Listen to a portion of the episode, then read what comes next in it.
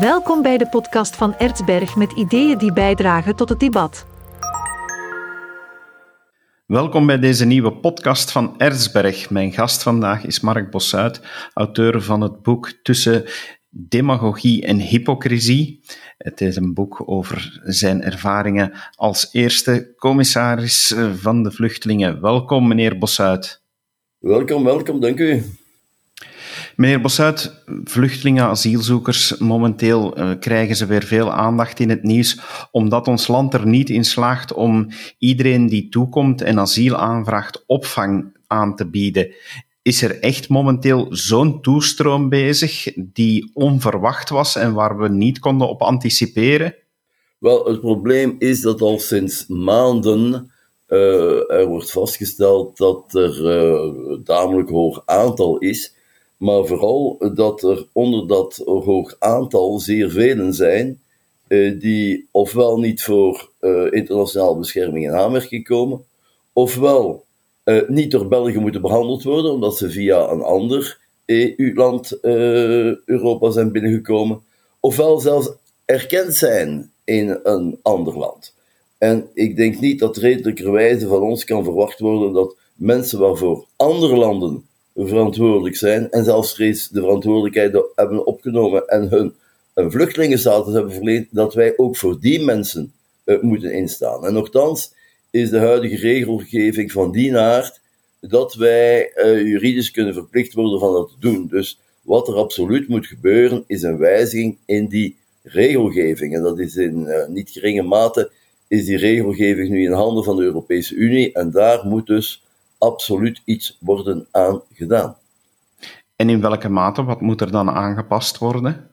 Wel, er, er zou duidelijk moeten gesteld worden dat als men uh, reeds uh, bescherming heeft verkregen in een ander land, of wanneer krachtens de uh, regels van de EU-verordening, die bekend staat als de Dublin-verordening, is gebleken dat die persoon niet door België moet behandeld worden, dat als die persoon dan toch naar België komen, dat wij niet zouden mogen verplicht worden om ook voor de opvang van die mensen in te staan. Want dat uh, uh, kunnen wij duidelijk uh, niet aan. U moet weten dat er nu meer dan 30.000 opvangplaatsen zijn.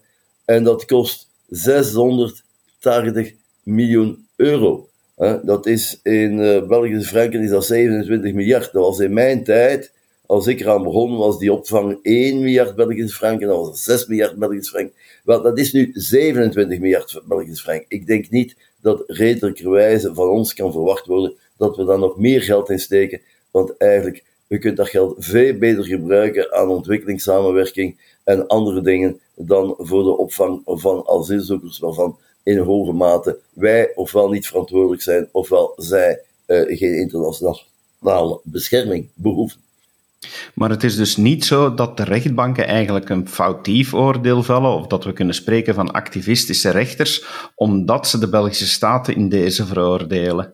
Well, strikt genomen kan ik niet zeggen dat dat juridisch fout is, maar uh, dat is toch wel uitgegroeid tot uh, een soort van een handeltje. Er zijn dus uh, advocaten die zich gaan aanbieden aan het klein kasteeltje en die daar aan de lopende band verzoekschriften indienen bij de arbeidsrechtbanken. En dat zijn, toeval of niet, maar dat zijn bijna allemaal Franstalige procedures. En dat zijn allemaal Franstalige arbeidsrechtbanken die dat doen. Ik heb in mijn tijd, en ik schrijf dat ook in mijn boek, ook uh, problemen gehad met de arbeidsrechtbanken. Want toen was duidelijk bepaald dat eens uh, de uh, asielprocedure was afgelopen in die zin dat een uitvoerbare beslissing was genomen. En ook al ging men dan met de Raad van State, dat dan geen opvang meer verschuldigd was. Dat de OCW's dan niet meer verplicht waren van die mensen verder te ondersteunen. En desalniettemin, en dan dankzij het feit dat het Hof van Cassatie duidelijk had gesteld dat dat niet gold voor die procedure, waren het toch arbeidsrechtbanken, en in bijzonder Franstalige arbeidsrechtbanken, die toch maar die steun bleven toekennen. Staatssecretaris Medi wordt nu beschuldigd van systematisch te werk te gaan en, en ervoor te kiezen om te weinig hulp aan te bieden. Het parket spreekt zelfs van te willen nakijken of hij vervolgd kan worden. Is dit nu echt helemaal van de pot gerukt? Wel, ik vind dat toch wel een beetje ver. Ik, eh, ook dat eh, heb ik in mijn tijd tegengekomen. Niet voor opvang, maar dus uh, op een gegeven moment in 1995 hebben uh, Franstalige advocaten een VZW opgericht met als enig doel een strafklacht tegen mij in te dienen op grond van artikel 233 van het strafwetboek. En wat is dat artikel? Dat is het artikel waarover men nu ook probeert Sami Medi te beschuldigen, namelijk coalition de fonctionnaires. Dat is eigenlijk een, een samenspannen van ambtenaren om uh, bewust uh, de wet uh, te schenden. en ik denk dat je daarvoor minstens zou moeten aantonen dat de staatssecretaris doelbewust de wet aan het schenden is, terwijl, wat natuurlijk wel het geval is, hij prioriteiten legt en dat hij vindt dat voorrang moet verleend worden aan mensen met kinderen en dies meer, en niet aan de maar al te talrijke alleenstaande mannen die in België asiel komen aanvragen nadat ze een heleboel andere Europese landen eerst hebben doorkruist. Deze podcast wordt u gebracht dankzij Erzberg, uitgever van non-fictieboeken die bijdragen tot het debat. U kan nu een kortingscode van 10% korting op uw volgende aankoop krijgen indien u surft naar erzberg.be en u inschrijft op de nieuwsbrief via het pop-up venster dat tevoorschijn komt. Neem zeker ook eens een kijkje in de online shop van Erzberg en maak gebruik van uw kortingscode. Is dit allemaal nu het gevolg van een wetgeving die verder bepaald wordt door jurisprudentie, door rechtspraak, voornamelijk op Europees niveau, die, die veel verder gegaan is dan ooit de bedoeling is? Ja, dat is wel mijn overtuiging, maar let wel op, het is dus vooral nu de Europese uh, regelgeving. Dus uh, vroeger was dat uh, Belgische regelgeving. En wanneer er een crisis was, zoals deze waarmee wij nu geconfronteerd worden, dan kon de bevoegde minister naar de regering gaan en voorstellen tot de wetswijziging. Nu is dat allemaal in feite in handen van de Europese Unie via allerlei richtlijnen. En die richtlijnen worden dan nog eens uh, ruim geïnterpreteerd, onder meer door het Hof van Luxemburg. En dat is allemaal ook een beetje onder druk van het Hof van Straatsburg. En op die manier uh, komen we tot toestanden die niet meer beheersbaar zijn en waar in feite de Belgische wetgever niet onmiddellijk kan optreden, omdat het op Europees niveau moet geregeld worden. En wat is daar het probleem? Wel, wij hebben nu zo'n probleem. Bij ons ziet, zien de politieke verantwoordelijken wel in wat er zou moeten gebeuren, maar je moet er tegenwoordig dus ook de andere 26 uh, eh, lidstaten van de Europese Unie van te overtuigen, die niet in dezelfde mate en niet op dezelfde wijze met dat probleem worden geconfronteerd. En dat is dus een proces dat maar heel langzaam verloopt. U bent ook specialist wat betreft mensenrechten. Daar hebt u in uw carrière ook heel veel mee te maken gekregen. Ik las dat het Verenigd Koninkrijk, eh, bij monden van premier Boris Johnson, eh, ergens een bommetje lost om eventueel uit het mensenrechtenverdrag te stappen. Is, eh, is dat ongezien een land dat daar uitstapt? Well, ongezien niet 100%, want onlangs is de Russische Federatie eh, eruit gestapt, maar ik zou dus niet graag het Verenigd Koninkrijk vergelijken eh, met de uh, Russische Federatie. Er is wel een spanningsveld wat betreft de migratierechtspraak van het Europees Hof van de Rechten van de Mens. In mijn boek geef ik daar heel wat kritiek op. En wat nu gebeurt, ja, dat is eigenlijk een van die uitwassen van die jurisprudentie. Wat is er gebeurd?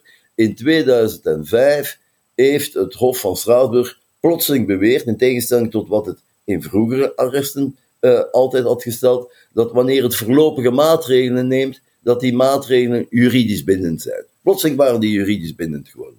En uh, dat is dus, en ik, ik, ja, ik was ervan overtuigd dat dat ging gebeuren. Uh, dat is dus wat nu gebeurt, door dus net op het moment dat het vliegtuig uh, moet vertrekken, dan komt er zo een voorlopige maatregel. En die voorlopige maatregel, heeft het Hof gezegd, is juridisch bindend. En dus uh, zit uh, het Verenigd Koninkrijk eraan vast. U moet ook weten dat nog voor de Brexit, toen mevrouw Theresa May minister van Binnenlandse Zaken was, Home Affairs, en zij dus moest instaan voor de asielproblematiek, dat zij reeds toen heeft voorgesteld om uit het Europees Verdrag voor de Rechten van de Mens te stappen. zij was, zoals u weet, tegen de brexit gekant. Zij heeft tegen de brexit gestemd, maar ze is dan als eerste minister wel verplicht geweest om die brexit uit te voeren. En daar twee zaken over. Eén, de brexit die zou er, naar mijn overtuiging, niet gekomen zijn indien we niet die asielcrisis hebben gehad van 2015, waarvoor de Europese burger, en dat is niet een onrechte, Europa voor verantwoordelijk heeft gesteld. Het is maar met 0,95% uh, stemmen meerderheid, dus ik wil zeggen, had 0,95% van de kiezers die nu hebben voor de brexit gestemd, hadden die tegen de brexit gestemd, dan had die brexit niet plaatsgevonden. En dus mevrouw uh, May, die stelde toen voordien reeds voor om uit het Europees verdrag te treden. Ze zijn dan, alhoewel dat dat niet uh, het oorspronkelijke idee was van mevrouw May, ze zijn uit de Europese Unie getreden. En nu is er een reëel gevaar dat als het Hof blijft stokken in de wielen steken, dat de Britten gaan zeggen: het is nu genoeg geweest, wij trekken eruit. En dat zou zeer betreurenswaardig zijn. Zou dat tot gevolg hebben dat de mensenrechten onder druk komen te staan? Daar ben ik niet zozeer van overtuigd. Ik denk dat uh, uh, de Britse uh, rechtspraak zelf een rechtspraak is die de mensenrechten eerbiedigt. En ook in dit geval zijn ze eerst naar de Britse rechters geweest en die hebben gezegd: wij zien het probleem niet. Ik zie ook niet wat het mensenrechtenprobleem is door mensen naar Rwanda te sturen. De kwestie is, men zegt ja, maar Kagame, dat is een dictator en die schendt de mensenrechten. Wel, dat kan misschien wel het geval zijn voor mensen van het vorige regime en mensen die heimwee hebben naar dat vorige regime in Rwanda dat zich schuldig heeft gemaakt aan volkerenmoord. Maar die mensen die zouden gestuurd worden naar Rwanda hebben daar, mijn zinziens, wat het mensenrechten betreft, helemaal niets te vrezen. Uh, natuurlijk, het is niet naar Rwanda dat ze willen gaan, het is naar het Verenigd Koninkrijk willen gaan. Maar er is dus in het internationaal recht en in het vluchtelingenrecht geen enkele regel die zegt dat iedereen mag gaan naar het land van voorkeur. Ah, ik zou graag naar dat land gaan, dus ik heb het recht om naar dat land te gaan. Nee, zo is het niet. Iedereen heeft recht om niet teruggestuurd te worden naar het land waar hij door de autoriteiten van zijn land wordt vervolgd om een van de vijf redenen vermeld in het verdrag van Genève. Dat is de verplichting die al de staten hebben aangegaan met de conventie van Genève. En dat wordt niet geschonden, mijn zinziens, door mensen naar Rwanda te sturen waar zij niet zullen worden vervolgd om een van de redenen vermeld in de conventie van Genève.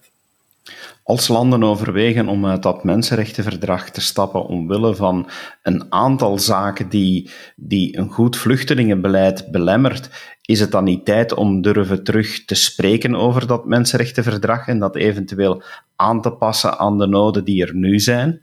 Nee, ik denk dat dat niet kan. Dus uh, één, er zijn, mijn zinziens, is er geen enkel probleem met het verdrag van Genève. Het vluchtelingenverdrag, dat is niet de oorzaak van het probleem. Oorzaak van de problemen is de interpretatie die indirect eraan wordt gegeven via het Europees Verdrag voor de Rechten van de Mens. Moeten we dan het Europees Verdrag voor de Rechten van de Mens wijzigen? Nee, dat is ook niet. Ten eerste, dat is niet te doen. En ten tweede, dat is ook niet fout. Eh, die bepalingen zijn goed. Er is alleen maar een probleem met de wijze waarop die bepalingen worden geïnterpreteerd wanneer het over asielzaken gaat.